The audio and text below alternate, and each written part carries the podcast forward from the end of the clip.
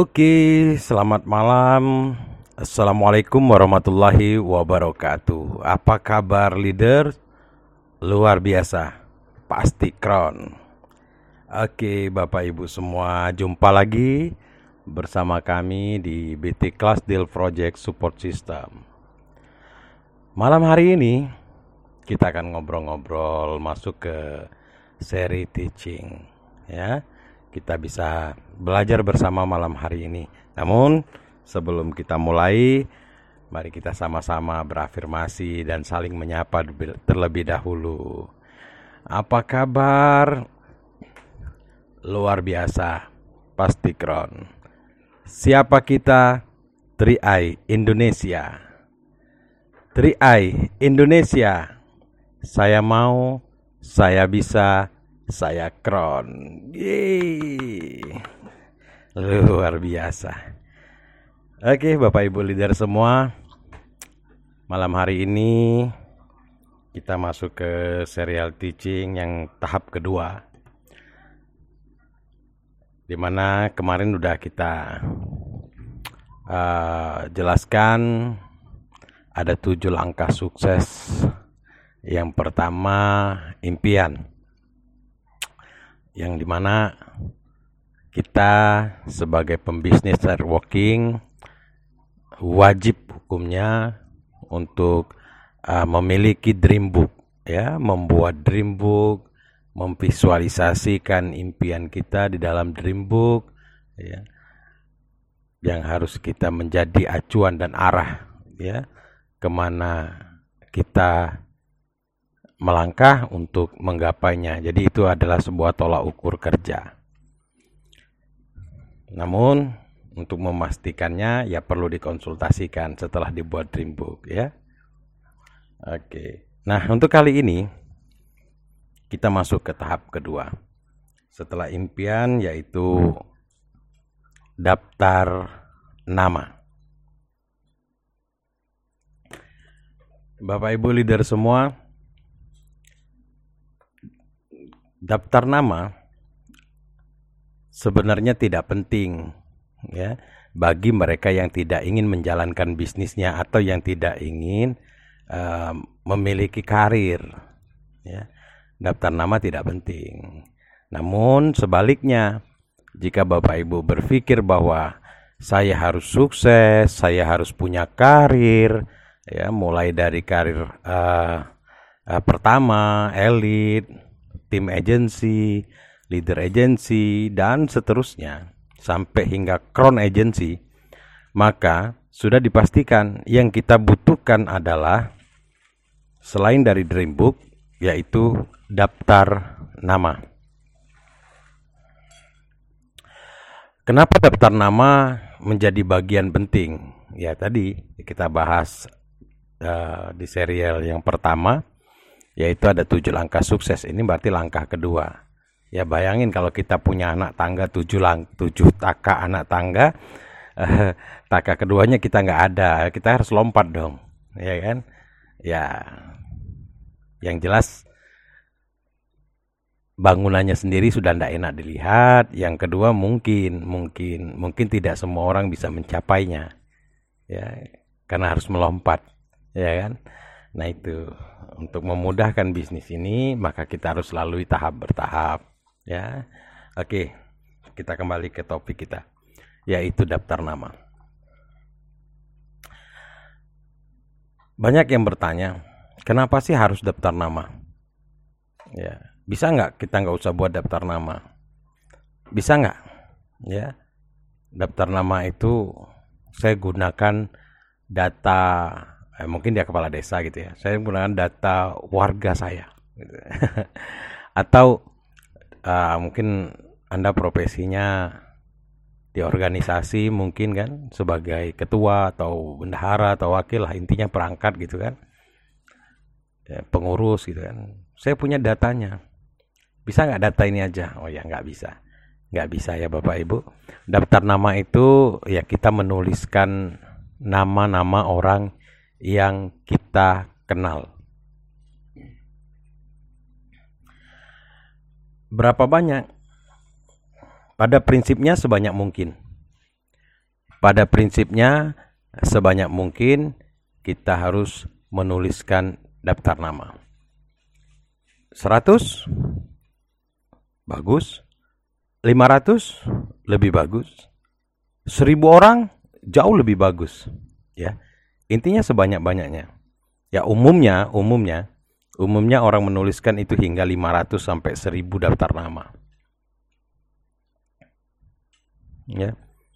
Itu kalau betul-betul dituliskan. Jadi kalau kita betul-betul menuliskan daftar nama, ya layaknya begini deh. Layaknya siapa yang pernah ngalami uh, menikah atau menikahkan anak. Nah, ya kan? Biasanya berapa banyak orang cetak undangan secara umum loh? Ya, 300 sampai 500 biasanya. Itu yang undangannya aja. Belum yang tidak di, yang diundang tanpa undangan. Ya, tanpa cetak undangan. Berarti kan lebih lagi dari itu. Jadi kalau kita cetak undangan aja eh, 300 gitu. Berarti ada orang yang kita undang yang tanpa undangan. Berarti bisa mencapai 500. Makanya daftar nama itu kalau betul-betul ditulis setiap orang itu memiliki daftar nama antara 500 sampai 1000 orang daftar nama.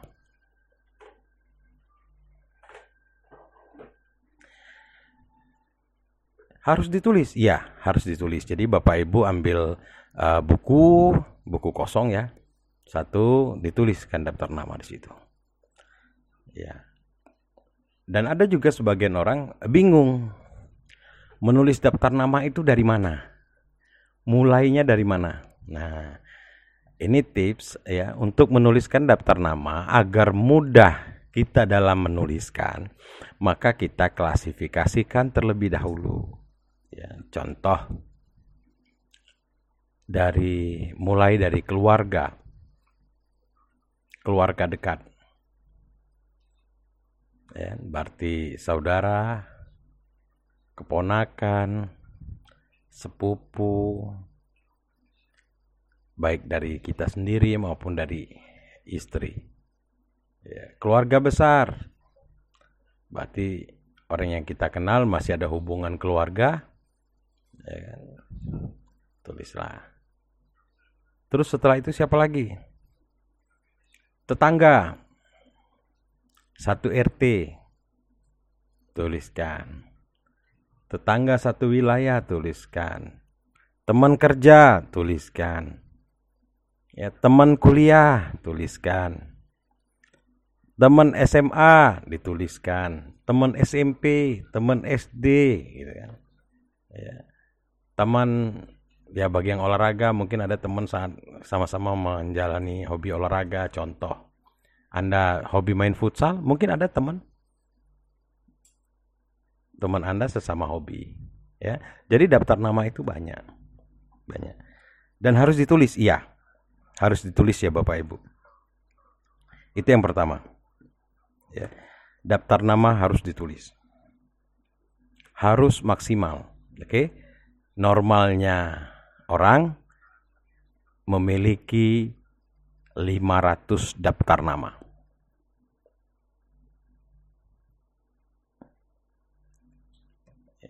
lima ratus daftar nama. Terus terus setelah ditulis diapakan? Yang gitu. Nah, baru setelah ditulis kita cari ya uh, saat kita menuliskan daftar nama yang perlu ditulis di situ nama, nomor, nama, nomor itu nomor urut ya. Nama, nomor handphone, alamat, ya kan? Penilaian ya di kolomnya itu nomor, nama, nomor handphone, alamat dan penilaian. Nah, penilaian ini ada F di I FDI ya. F itu adalah fleksibel, D itu dinamis, itu ambisius. FDI, FDI, sorry, bukan FDI, FDA, FDA ya. Fleksibel, dinamis, ambisius. Di dalam penilaian tadi ya, tuliskan F D A. F-nya itu fleksibel, kami ulangi ya. F-nya fleksibel, D itu dinamis atau ambisius. Nah, setelah kita buat daftar nama berapa nih?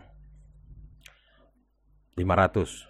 Ya mungkin tahap awal 200, 300 kita tulis dulu. Ya nggak harus nunggu 500 dulu baru kita nilai, nggak harus ya. Atau kita ambil uh, buat 5 kali. Pertama 100 dulu. Nanti udah selesai baru masuk 200, 300. Boleh bertahap, boleh, boleh. Boleh bertahap ya. Boleh bertahap. Nah terus setelah uh, kita tulis anggaplah kita tulis 100 dulu pertama ya. Maka maka segera kita berikan penilaian. Oke. Ya bagaimana cara memberikan penilaian? Nanti saya bahas di segmen akhir ya.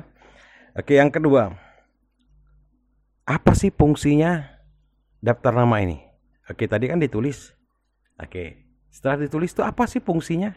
Kan begitu. Nah, Bapak Ibu leader semua, perlu kita ketahui ya. Manfaat menuliskan daftar nama itu banyak sekali. Ya. Di dalam rangkuman kami itu ada lima. Ada lima kelebihan kalau kita menuliskan daftar nama. Oke. Yang pertama, sebagai peta arah bisnis kita.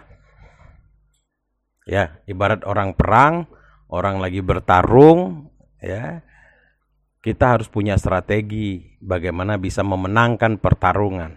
Nah, sama halnya di dalam bisnis ini untuk mencapai posisi-posisi yang kita inginkan, tentu bisnis kita harus bergerak, bisnis kita harus bertumbuh. Nah, untuk bisnis bergerak atau bertumbuh, tentu kita punya kita juga harus tahu skemanya. Ya kan, petahnya bagaimana untuk membuat bisnis kita bertumbuh. Nah, itu hubungannya dengan yang kedua. Ya, selain dari eh, fungsinya ya, selain dari ditulis tadi fungsi daftar nama itu yang pertama adalah arah bisnis. Ya, sebagai peta arah bisnis. Yang kedua, fungsinya itu menggali potensi diri kita.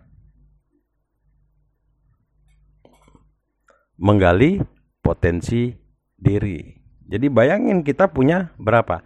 500 daftar nama. Nah, yang digali itu apa sih sebenarnya? Dari sisi kekurangan, bukan kelebihan. Kalau kelebihan tinggal kita action.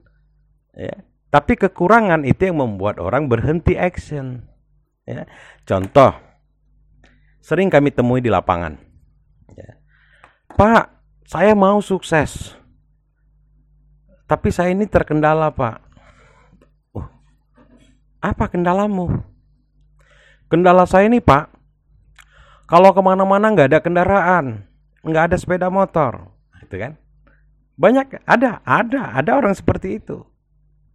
Ya. Nah, solusinya bagaimana? Nah, dengan Anda menulis daftar nama, maka prioritas utama yang harus kita segera rekrut adalah orang yang memiliki kendaraan. Sehingga kekurangan kita tadi tertutupi. Makanya daftar nama tadi fungsinya yang kedua adalah menggali potensi diri dari kekurangan kita. Kita itu punya potensi, namun ada kekurangan. Nah, kekurangan itulah bisa kita tutupi atau kita dapatkan untuk menutupi kekurangan kita yaitu dari daftar nama. Contoh yang kedua. Ini yang saya alami, ini yang saya alami, ya, yang saya alami. Saat awal kali saya menjalankan 3i ini, jujur saja, saya kena problem. Ya, saya kena ada problem. Apa problem saya waktu di awal dulu? Ya, yang pertama yang paling besar adalah modal. Ya. Loh, modal buat apa? Ya modal buat ke sana kemari, operasional. Ya. Karena saya memang terbatas ekonomi. Itu yang pertama. Yang kedua, lebih hebat lagi yang saya butuhkan sebenarnya selain dari modal adalah postur. Maksudnya postur itu karena gini, background saya tukang ampas. Dan saya dikenal orang yang gagal net gagal dalam berbisnis jaringan. Ya. Jadi orang-orang di sekeliling saya itu taunya saya itu profesinya ngampas dan sebelum ngampas saya orang yang gagal dalam bisnis jaringan. Jadi untuk meningkatkan kepercayaan orang yang saya ajak itu sulit. Ya, sudahlah kiri, nggak punya modal, nggak punya penampilan, ya nggak punya modal ya jelas penampilan nggak ada, ya kan? Alat transportasi nggak ada, ya. Loh, nggak ada. Iya bapak ibu. Di awal-awal saya menjalankan bisnis ini saya hanya menggunakan motor dinas istri saya untuk prospek ke mana-mana. Saya nggak punya motor. Untung ada motor dinas, ya kan?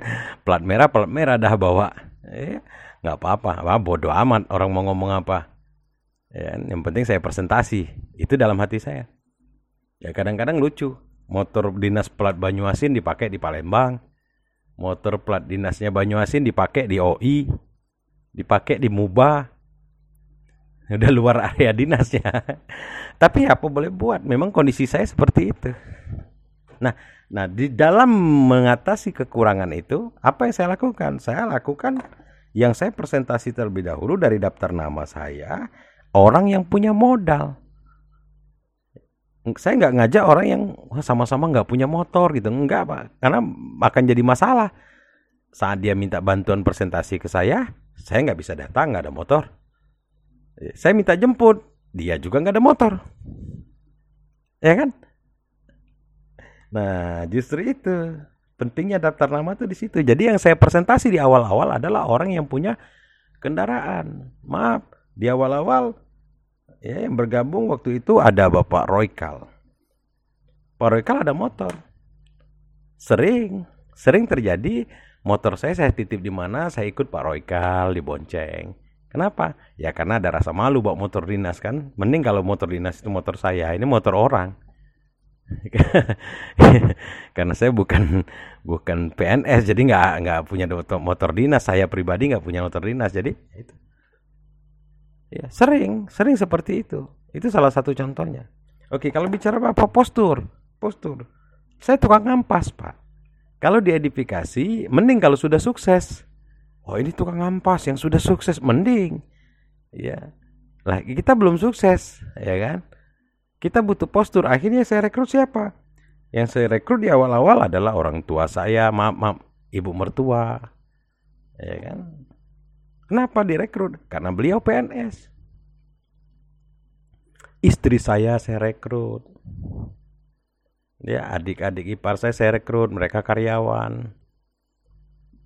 Di Banyuasin ada kepala sekolah saya rekrut pertama kali.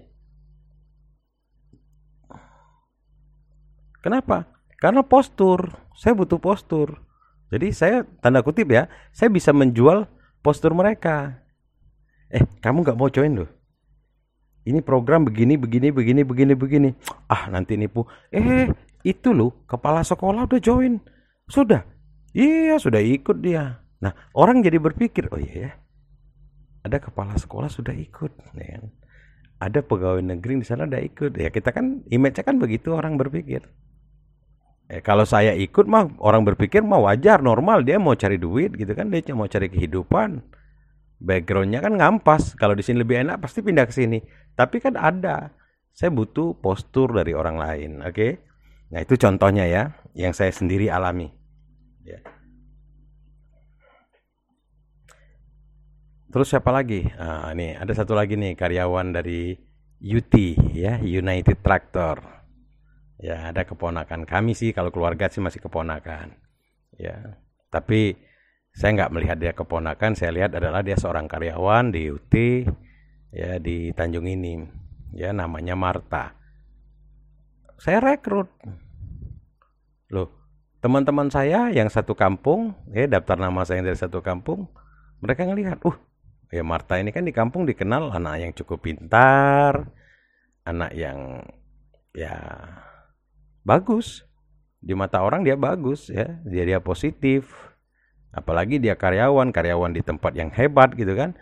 Jadi begitu saya bilang, eh itu udah ikut lo, Marta. Ini daftar nama saya yang teman SMP, SD ya.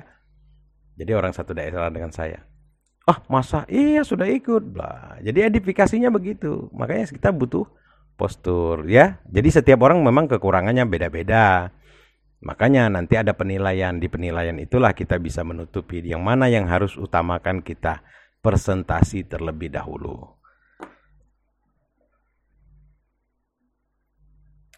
Oke, manfaat yang ketiga dengan kita menuliskan daftar nama.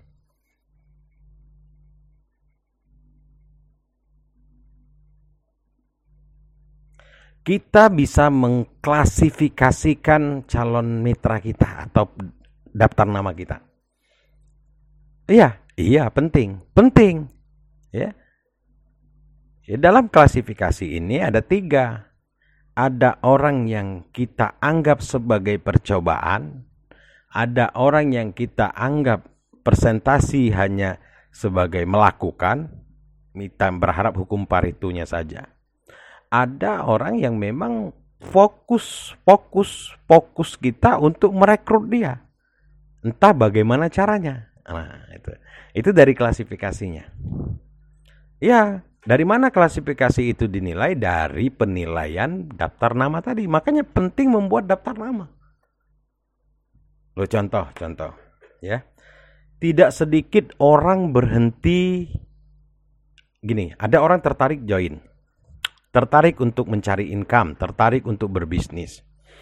Namun kenyataannya pada saat mereka menjalani di awal, Presentasi satu orang, dua orang, tiga orang, empat orang, bahkan sepuluh orang, bahkan dua puluh orang pertama, mereka lebih banyak ditolak.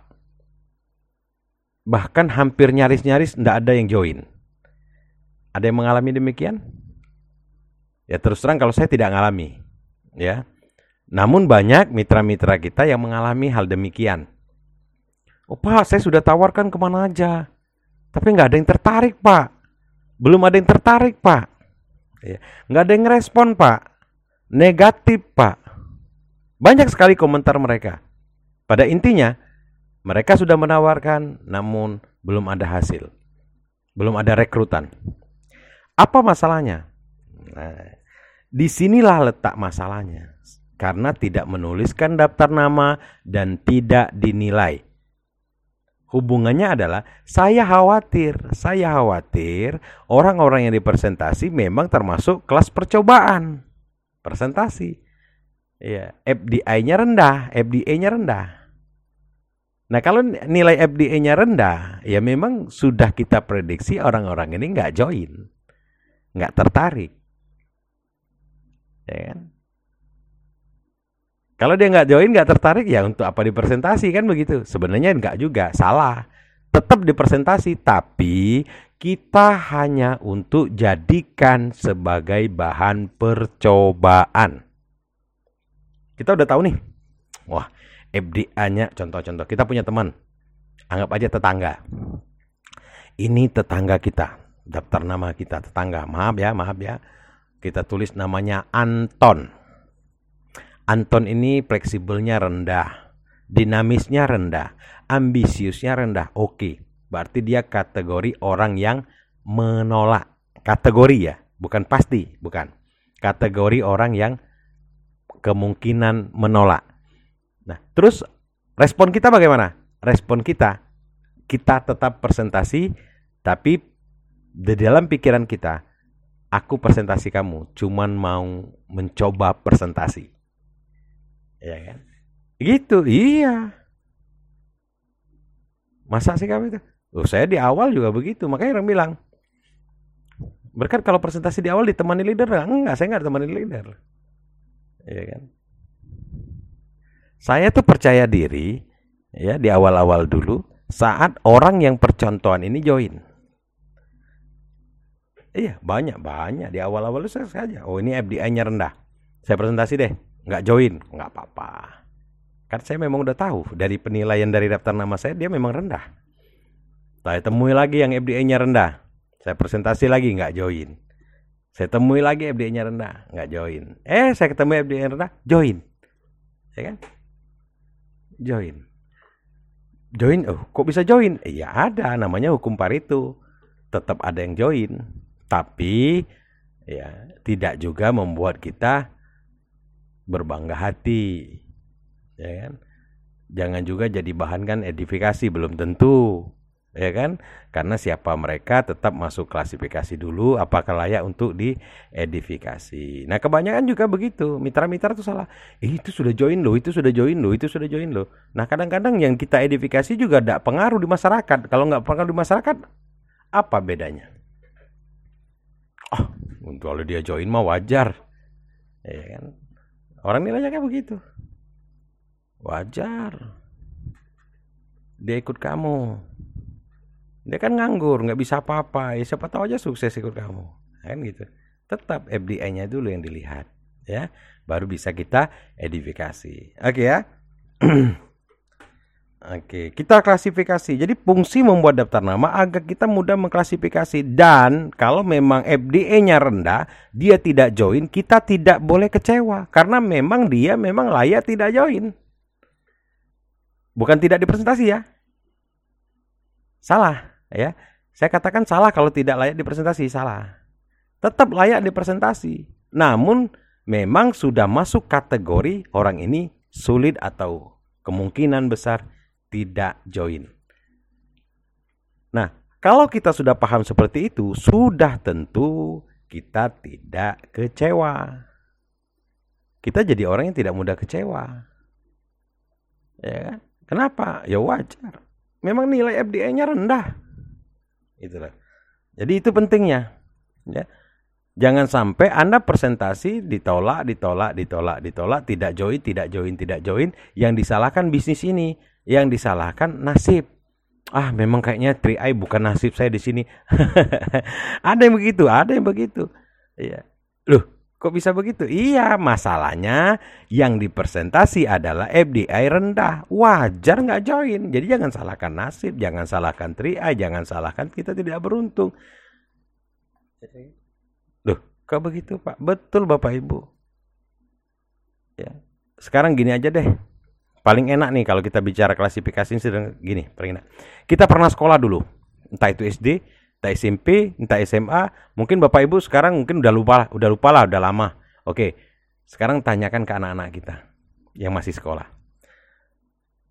Pasti ada perbedaan antara anak yang biasa dapat ranking 5 besar di depan dengan anak-anak yang da biasa dapat ranking 5 besar di belakang. lima besar di depan, lima besar terakhir, gitu maksud saya ya.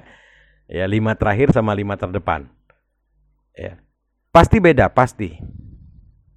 Ya. Ada perbedaan antara orang yang biasa pintar ya sama anak yang malas ya atau bodoh. Ada bedanya, ada. Nah, klasifikasi itu untuk menunjukkan kepada kita bahwa kita tahu ini orang yang kriteria kriteria orang-orang nantinya sukses. Ini kriteria orang-orang yang nantinya tidak sukses. Loh, kok bisa kita ngejas begitu? Oh, sudah sudah jelas. Bayangin, bayangin ya. FDA fleksibel ya. Orangnya nggak mudah bergaul bahkan tertutup nggak mau bergaul. D dinamis ya. Dinamis ya. Udah nggak mau bergaul ya kan? Orangnya nggak dinamis lagi ya. Monoton aja gitu ya kan ayo mas ini ada bisnis untuk merubah nasib nggak ah? Ya saya ngojek aja. Maaf bukan profesi ngojek tidak. Tidak. Tidak sukses bukan. Ya kita aja untuk berubah. Maaf ya. saya nguli aja. Maaf saya buruh tani aja. Ya. Kita aja. Dia dinamis. Ya. Dinamisnya rendah. Ambisius. Nggak ada rasa ingin merubah nasib ya ibaratnya ngomongnya begini sering saya temui ah mas mas terima aja yang ada syukuri gitu loh Ya kan? Sering mungkin Bapak Ibu ketemu orang yang berucap seperti itu. Nah itu ambisiusnya rendah sekali itu. Ya. Harusnya kalau orang mau merubah nasib ya berusaha, berjuang, yang ada syukuri, yang belum ada dicari. Ya kan? Iya begitu. Nah, bayangin, kalau orang fleksibelnya rendah, dinamisnya rendah, ambisiusnya rendah, apakah itu kategori orang-orang sukses? Apakah itu kriteria orang-orang sukses? Sudah tentu bukan itu kriterianya. Makanya kalau dia menolak itu wajar dan memang kewajiban kita tetap presentasi. Oke ya? Oke, saya pikir bisa dipahami apa tujuan klasifikasi itu. Ya, eh, tujuan menuliskan daftar nama ya agar kita mudah mengklasifikasinya. Setelah kita klasifikasi, kita tidak mudah kecewa karena kita sudah tahu sebelum kita melakukan. Ya, sudah tahu yang dimaksud itu sudah bisa memprediksi ya sebelum kita lakukan. Oke, yang keempat. Apa sih fungsi kita menuliskan daftar nama? Agar kita bisa membantu orang lain dengan kelebihannya. Bapak Ibu, tidak semua orang tertarik dengan uang. Ada yang tertarik dengan bergaul banyak orang, bergabung di bisnis networking. Ada orang yang tertarik karena bisa memimpin. Oh, bisnis jaringan itu kita bisa jadi leader ya. Oh, leader itu memimpin. Berarti saya bisa jadi pemimpin Oh, kalau begitu saya maulah join. Ada orang, cuman dia nggak ngomong. Cuman dia mendengarkan cerita kita. Begitu dia mendengarkan cerita kita, tersambung dengan hasrat apa yang ada di benaknya, maka dia join. Nah, kita yang presentasi kadang-kadang kepedean. Ya kan? Wah, dia tuh mau join, Pak. Dia tuh mau jadi kron, Pak. Belum tentu. Memang, memang semua orang join, aktif, nantinya jadi kron. Iya. Tapi tahap awal kita merespon orang join, tidak semua orang join itu ingin jadi kron. Tentu cara meresponnya pun masing-masing berbeda. Ya kan? Ada, ada, ada orang join karena ingin memimpin, ada. Ya, di grup saya sendiri ada. Ada leader-leader yang memang dari awal dia join pengen memimpin. Ya hingga saat ini jujur aja. Ya, saya nggak ikut campur di kepemimpinan dia biarlah dia memimpin grupnya. Karena memang dia ingin jadi pemimpin. Ya, ada orang yang ingin bergaul. Setiap kita undang meeting, kita undang rapat, dia datang. Kenapa? Karena dia senang ngumpul-ngumpul. Bagaimana posisinya? Ada yang juga udah setahun TA juga belum. Ada yang dua tahun TA juga belum. Tapi kalau ngumpul-ngumpul, meeting-meeting dia datang. Kenapa? Ya memang dia suka ngumpul-ngumpul ya kan? Bisnisnya gimana? Jalan tetap tapi maksudnya passion ya keinginan dia di awal itu loh ya. Nah kita bisa membantu orang. Orang itu butuhnya apa? Nah tri I bisa mewujudkan butuh, kebutuhannya itu keinginannya itu ya. Jadi itu yang kita tawarkan di awal ya. Orang yang butuh uang kita jelaskan bagaimana cara mencari uangnya di sini.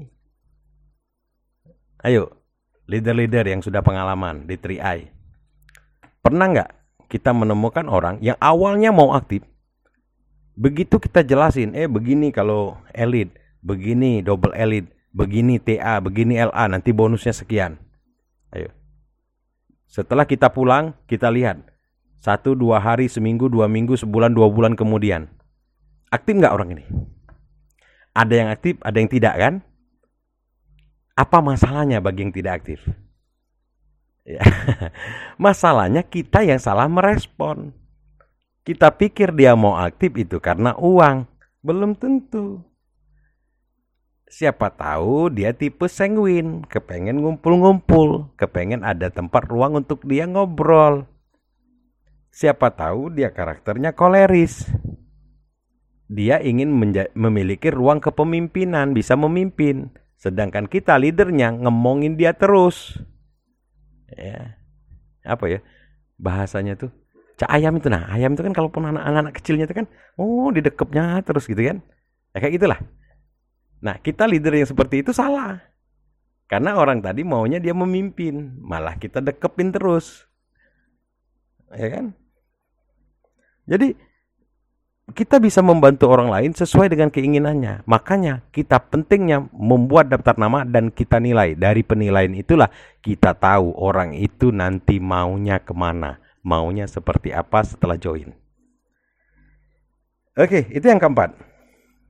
Yang kelima, ya, pentingnya menuliskan daftar nama, yaitu multiplikasi bisnis. Loh, apa pula itu Pak? Begini, bayangin kalau Bapak Ibu bisa menuliskan 500 daftar nama hari ini. Bapak Ibu saat ini sudah punya mitra atau belum? Kalau Bapak Ibu sudah punya mitra, segera di pull up dan ajak membuat daftar nama kalau dia mau serius. Masuk ke tahap 2, buat daftar nama. Bayangin, kalau Bapak Ibu ada 10 saja mitra yang mau ya, kembali ke pola yang benar, ya, mundur satu langkah, masuk ke pola yang benar, membuat dream book, buat daftar nama. 10 orang buat daftar nama, satu orang 500 kali 10 berapa? 5000. Kita punya 5000 database yang bisa kita saring, yang bisa kita pilah satu persatu sehingga kita bisa menemukan orang yang bisa kita ajak sama-sama sukses. Iya, potensinya besar. Potensinya besar. Kenapa potensinya besar? Ya karena banyak. Itu multiplikasi bisnis.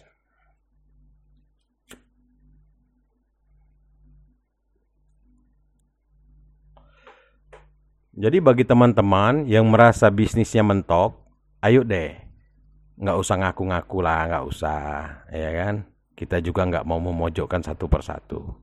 Tapi saya yakin ya bahwa Anda belum menuliskan daftar nama. Sudah Pak, pasti belum dinilai. Ya, itu aja. Ya. Jadi daftar nama itu selain ditulis dan di, dinilai. Nilainya sendiri apa sama leader Pak? Tergantung. Kalau Anda sudah menguasai FDA, silakan. Kalau Anda belum menguasai FDA, konsultasikan dengan leader di atas Anda untuk memberikan penilaian.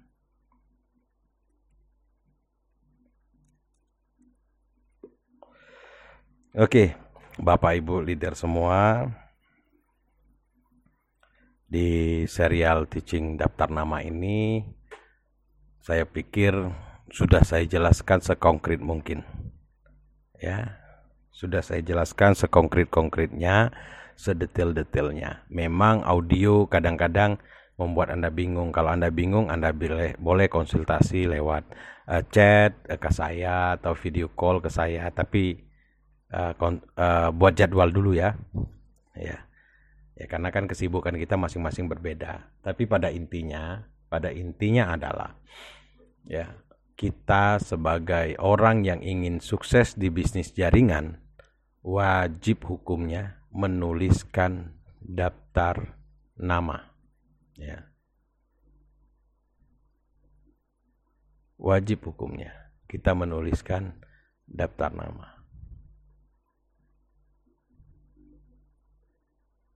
Ada satu hal selain dari lima hal tadi ya. Ya, selain dari lima fungsi daftar nama tadi karena ini juga nggak termasuk dalam teori, tapi saya meyakini. Ya. Ada yang bilang begini, mentor-mentor saya terlebih dahulu, uh, yang dulu ya, terdahulu, itu bilangnya begini. Ya. Saat kita menuliskan daftar nama, maka saat itu juga kita sudah meniatkan di dalam hati bahwa orang ini akan saya ajak join dan nantinya sukses. Nah, bayangkan Bapak Ibu. Bapak Ibu sudah menuliskan 500 daftar nama. Bapak Ibu sudah mendoakan 500 orang. Ya, join di 3i dan sukses. Ya, apalagi Bapak Ibu iringi betul dengan doa, bukan sekedar ditulis itu adalah bagian dari doa. Betul-betul didoakan setelah ditulis. Ya kan? Betul-betul didoakan semoga orang ini join dan sukses. Nah, mentor-mentor saya yang terdahulu mengatakan demikian.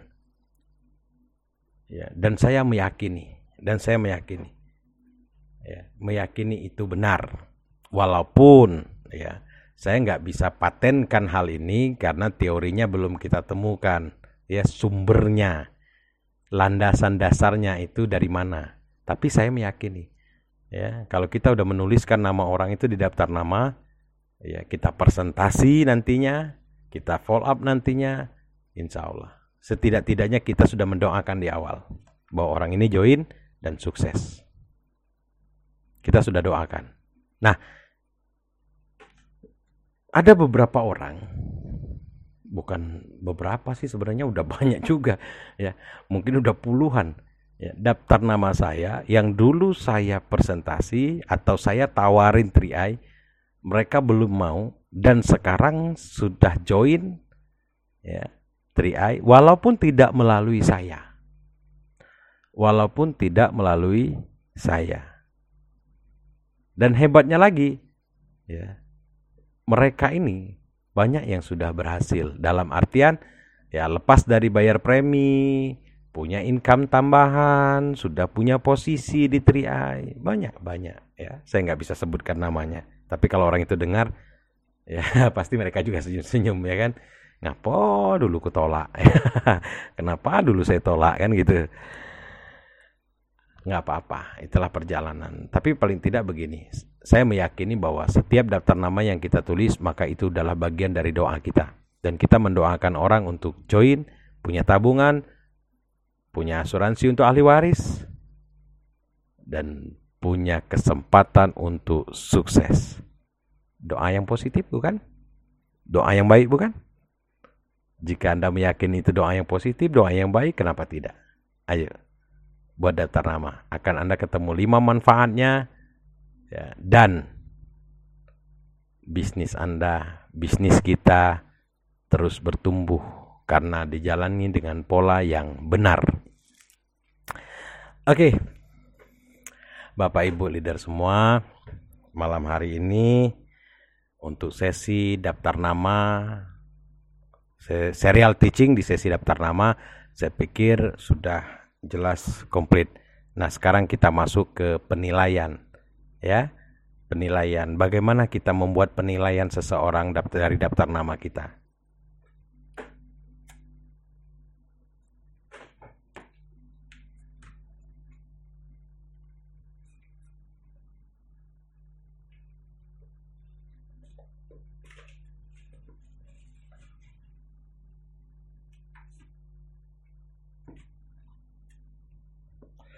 Oke.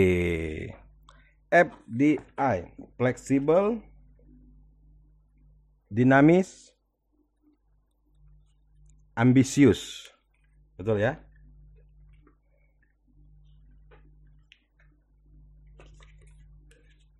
Fleksibel yang dimasuk dimak, yang dimaksud ya, fleksibel adalah Orang yang mudah bergaul dengan orang lain, memiliki relasi yang luas, gampang sekali kenal dengan orang lain, memiliki kemampuan untuk bergaul. Jadi intinya fleksibel adalah orang yang mudah bergaul atau orang yang banyak teman. Ya, biasanya orang begini ada peribahasa mengatakan nggak ada lu nggak rame. Nah biasanya orang begini ditunggu-tunggu di setiap momen. Kehadirannya ditunggu-tunggu. Nah orang ini adalah orang yang fleksibel. Jadi gampang kan? Saat kita menulis daftar nama. Namanya Anto nomor anggaplah nomor 10 daftar nama kita nih. Namanya Anto. Nomor HP-nya sekian alamatnya di sini. Kita kasih penilaian app-nya fleksibelnya. Dia nih orangnya udah bergaul nggak sih? Hmm, oh, mudah sekali bergaul. Oke kita kasih penilaian. Ya. Nilainya berapa? Ah penilaiannya itu dari angka 5 sampai 10 5 sampai 10 ya. Kalau dia fleksibelnya rendah kasih nilai 5. Kalau fleksibelnya sedang ya bisa 6, bisa 7, bisa 8. Kalau fleksibelnya tinggi, bagus, memang banyak temennya, ya bisa 9, bisa 10 nilainya. Ya, jadi ring nilai itu 5 sampai 10. Oke, itu fleksibel. Bagaimana dengan dinamis? Ya. Oke, dinamis adalah orang yang mobilitasnya tinggi sehingga memiliki relasi hampir seluruh Indonesia bahkan di luar negeri menguasai banyak bahasa asing. Oke. Dinamis itu identik dengan orang yang yang sibuk, pintar, sibuk. Ya, biasanya orang pintar juga sibuk ya. Bukan orang pintar yang bisa ngobati bukan ya, Bapak Ibu ya. Ya, ya. Orang yang cerdas, orang yang pintar ya, ya, pintar secara akademisi. Ya.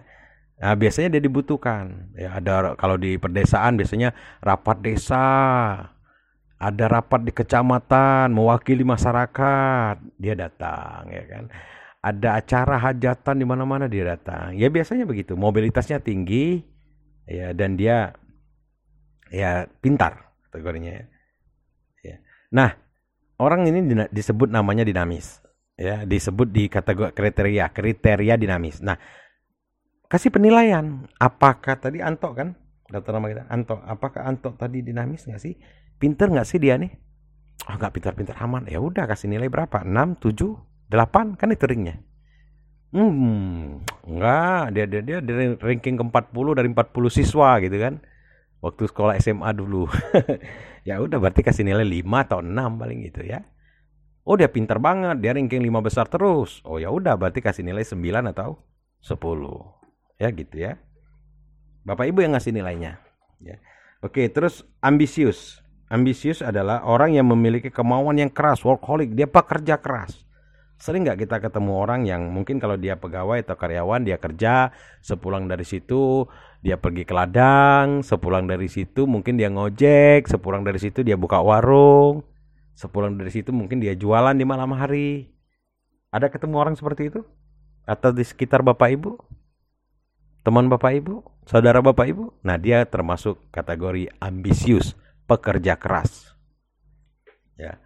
Nah kasih penilaian wah dia itu pak nggak kerja kerjanya buruh kadang-kadang ditawarin juga ditolak kok kalau diajak buruh nah, berarti dia ambisiusnya rendah ya kan ya. Buruh setengah hari sisanya cuman duduk nongkrong sampai malam tidur tiduran nah itu berarti di, ambisiusnya rendah. Kasih nilainya 5 atau 6 gitu kan. Nah itu bapak ibu ya. Oh dia pekerja keras ya kan. Dia itu sebis ke ladang ke sawah habis ke sawah ke ladang ya kan. Habis kerja buka warung ya kan habis kerja mancing ah mancing tergantung ya mancing seperti apa ya kalau mancing hobi bukan tapi kalau mancing nyari ikan untuk dijual ah termasuk ya itu ya nah setelah dinilai tambahkan tiga nilai tersebut. Masing-masing punya nilai berapa. Ya. Kalau, ini kalau ya, kalau nilainya. 15 sampai 18 ya. Maka orang tersebut ya jadikan media untuk kita belajar.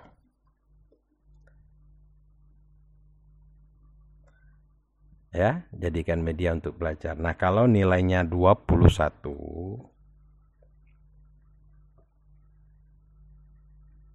Oke, 15 sampai 20 ya. Kalau nilainya 21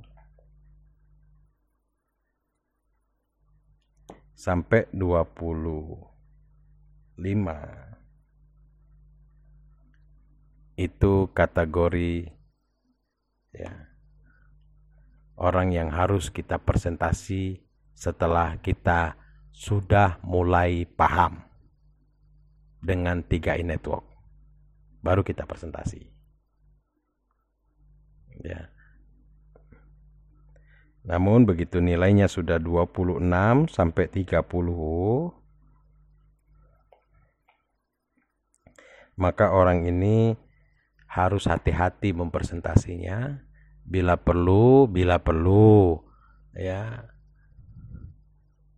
pahamkan mereka bersama leader atau ya perbanyak edifikasi ya atau arahkan mereka melalui sosial media. Contoh, nilainya 30. Dia pekerja keras, dia pintar, dia perga, pegaul ya, banyak sekali pergaulannya tinggi. Nah, nilainya mungkin besar. Ya Bapak Ibu mungkin kasih nilai 27 atau 30. Jadi kalau nilainya seperti itu gimana? Nah, maka dari itu Bapak Ibu bisa arahkan, eh bos ada bisnis bagus. Nanti aku share ya linknya. Kamu tonton aja di Youtube. Itu salah satu cara jika memang sulit mendatangkan leader karena jarak dan hal sebagainya. Ya. Namun kalau bisa mendatangkan leader bagus, bos. Nanti minggu depan hari Ahad jam sekian ada orang yang punya bisnis bagus dari kota Jakarta mau ke sini. Kamu punya waktu nggak? Kalau kamu punya waktu nanti saya kenalin. Siapa tahu bisnis ini cocok buat kamu. Ngomongnya gitu aja. Jadi kita masih mengedifikasi dan tidak menjatuhkan dia. Ya kan? Itu kalau FDI-nya tinggi. Ya, harus melalui perantara, baik itu secara langsung dengan leader atau perantara sosial media. Ya. Jangan kita yang datang ke rumah dia, kita yang presentasi, ya. Jangan juga. Ya. Kalau Anda orang baru, tapi kalau Anda sudah punya posisi, sudah seorang leader, boleh, boleh. Ya, boleh. Artinya Anda sudah paham dengan 3I. Karena apa? Karena akan menimbulkan banyak pertanyaan. Kalau Anda tidak bisa jawab, Anda justru jatuh. Kalau Bapak Ibu bisa jawab, bagus. Makanya Kembali lagi kondisi Bapak Ibu seperti apa? Apakah sudah jadi leader? Ya, sudah banyak yang paham atau belum? Belum pas saya baru join dua bulan. Nah, kalau baru join dua bulan di 3i langsung presentasi orang yang FDA-nya tinggi, ah, bahaya, kemakan kita. Ya, bisa-bisa kena tolak mentah-mentahan. Padahal orangnya potensial, bagus, ya kan? Disayangkan kalau gitu. Mendingan tahan dulu, jangan dipresentasi. Ya. Oke. Jadi begitu penilaiannya FDA tadi saya janjikan di akhir kita bahas penilaian FDA. Ya, FDA itu dinilai apakah orang tersebut termasuk kategori fleksibel, banyak teman, apakah termasuk orang dinamis, orang pintar, apakah termasuk orang yang ambisius, orang yang pekerja keras. Ya. Apakah orang itu tersebut memiliki ketiga-tiganya karakter itu tinggi semua? Ya. Nah, di situlah kita bisa memilah yang mana yang terlebih dahulu kita presentasi. Oke, saya pikir tentang daftar nama sudah komplit ya. Sekarang tinggal kita action ya, melakukan, membuat daftar nama. Sekali lagi, membuat daftar nama. Ya. Saya berkat Saputra bisa seperti ini berawal dari daftar nama ya memang kadang-kadang daftar nama kita itu belum tentu menghasilkan yang terbaik. Tetapi saya bocorkan sedikit satu aja ya. Mohon maaf ya. Ada mitra kami leader kami namanya Agus Saripudin. Jujur saya nggak kenal dengan Pak Agus Saripudin sebelumnya tapi saya punya daftar nama namanya Epa. Ibu Epa. Beliau uh, istri dari mantan kepala desa. Ya, saya ajak presentasi, mau join, saya minta daftar namanya. Hari itu juga saya dikenalkan dengan beberapa orang. Salah satunya adalah Bapak Agus Sarifudin. Ya. Saya presentasi Pak Agus Sarifudin, saya minta kontaknya, saya komunikasi langsung lewat WA, Ya, namun sebelumnya memang saya saya sudah komunikasi dengan Pak Agus. Ya lewat karena daftar nama Bu Epa, ya kan. Jadi singkat cerita, sehingga hari ini Pak Agus sudah posisi leader agency dan membawahi satu orang leader agency, tiga orang tim agency. sudah besar grupnya. Luar biasa. Ya. Allah titipkan saya ketemu dengan Pak Agus melalui daftar nama Ibu Eva. Dan Ibu Eva daftar nama saya. Oh iya, iya, saya jauh. Ya saya dari Palembang, Bu Eva di Belitang karena daftar nama saya temui di Belitang. Ya itulah. Oh kenapa Pak berkat sungguh-sungguh nemui Bu Eva? Oh saya tahu Bu Eva ini orangnya fleksibel. Temannya banyak. Temannya banyak. Ya. Temannya banyak sekali. Di Oku Timur banyak, di Oki banyak, di OI banyak, di Palembang banyak. Ya. Kan? Yang saya pahami itu. Orangnya banyak sekali temannya, orangnya mudah bergaul. Ya. Makanya jauh-jauh dari Palembang ke Belitang saya temui. Kenapa? Karena saya butuh orang yang banyak teman. Karena saya nggak punya banyak teman, ya kan? Ya. Jadi itulah ya kisah saya. Saya banyak menemukan leader-leader hebat, ya yang Allah temukan dengan saya melalui daftar nama daftar nama yang sudah saya buat ya. Ada daftar nama yang saya buat jadi orang berhasil ada. Ya di 3 di grup kita sendiri ada Pak Roykal ada Pak Joko Santoso ya. Ada Pak Krisno Bulan ya. Ada juga saya dititipkan ya kan. Dari daftar nama punya daftar nama dia saya gak presentasi, kita garap sama-sama dan sekarang sudah posisi bron juga, yaitu Bapak Susanto. Bapak Susanto bukan daftar nama saya, dia daftar nama mitra saya. Saya bantu presentasi. Ya, singkat cerita proses perjalanan join dan sekarang jadi bron. Ada Pak Agus tadi. Ya, pentingnya daftar nama. Karena di balik daftar nama banyak mutiara-mutiara yang akan bermunculan di grup kita. Oke, Bapak Ibu, sukses buat kita semua. Mohon maaf kalau ada salah kata. Ya. Kita akhiri sharing di serial teaching daftar nama malam hari ini dengan penuh semangat, dengan penuh harapan, ya dengan penuh doa. Kelak bisnis yang kita bangun mulai malam hari ini dengan serius, sungguh-sungguh dengan benar akan tumbuh pun dengan serius, benar, dan cepat untuk mencapai posisi tertinggi. Sukses buat kita semua. Kami BT Class Deal Project Support System undur diri. Mohon maaf kalau ada salah kata. Wabillahi topik wal hidayah. Wassalamualaikum warahmatullahi wabarakatuh. Gukron pasti Crown.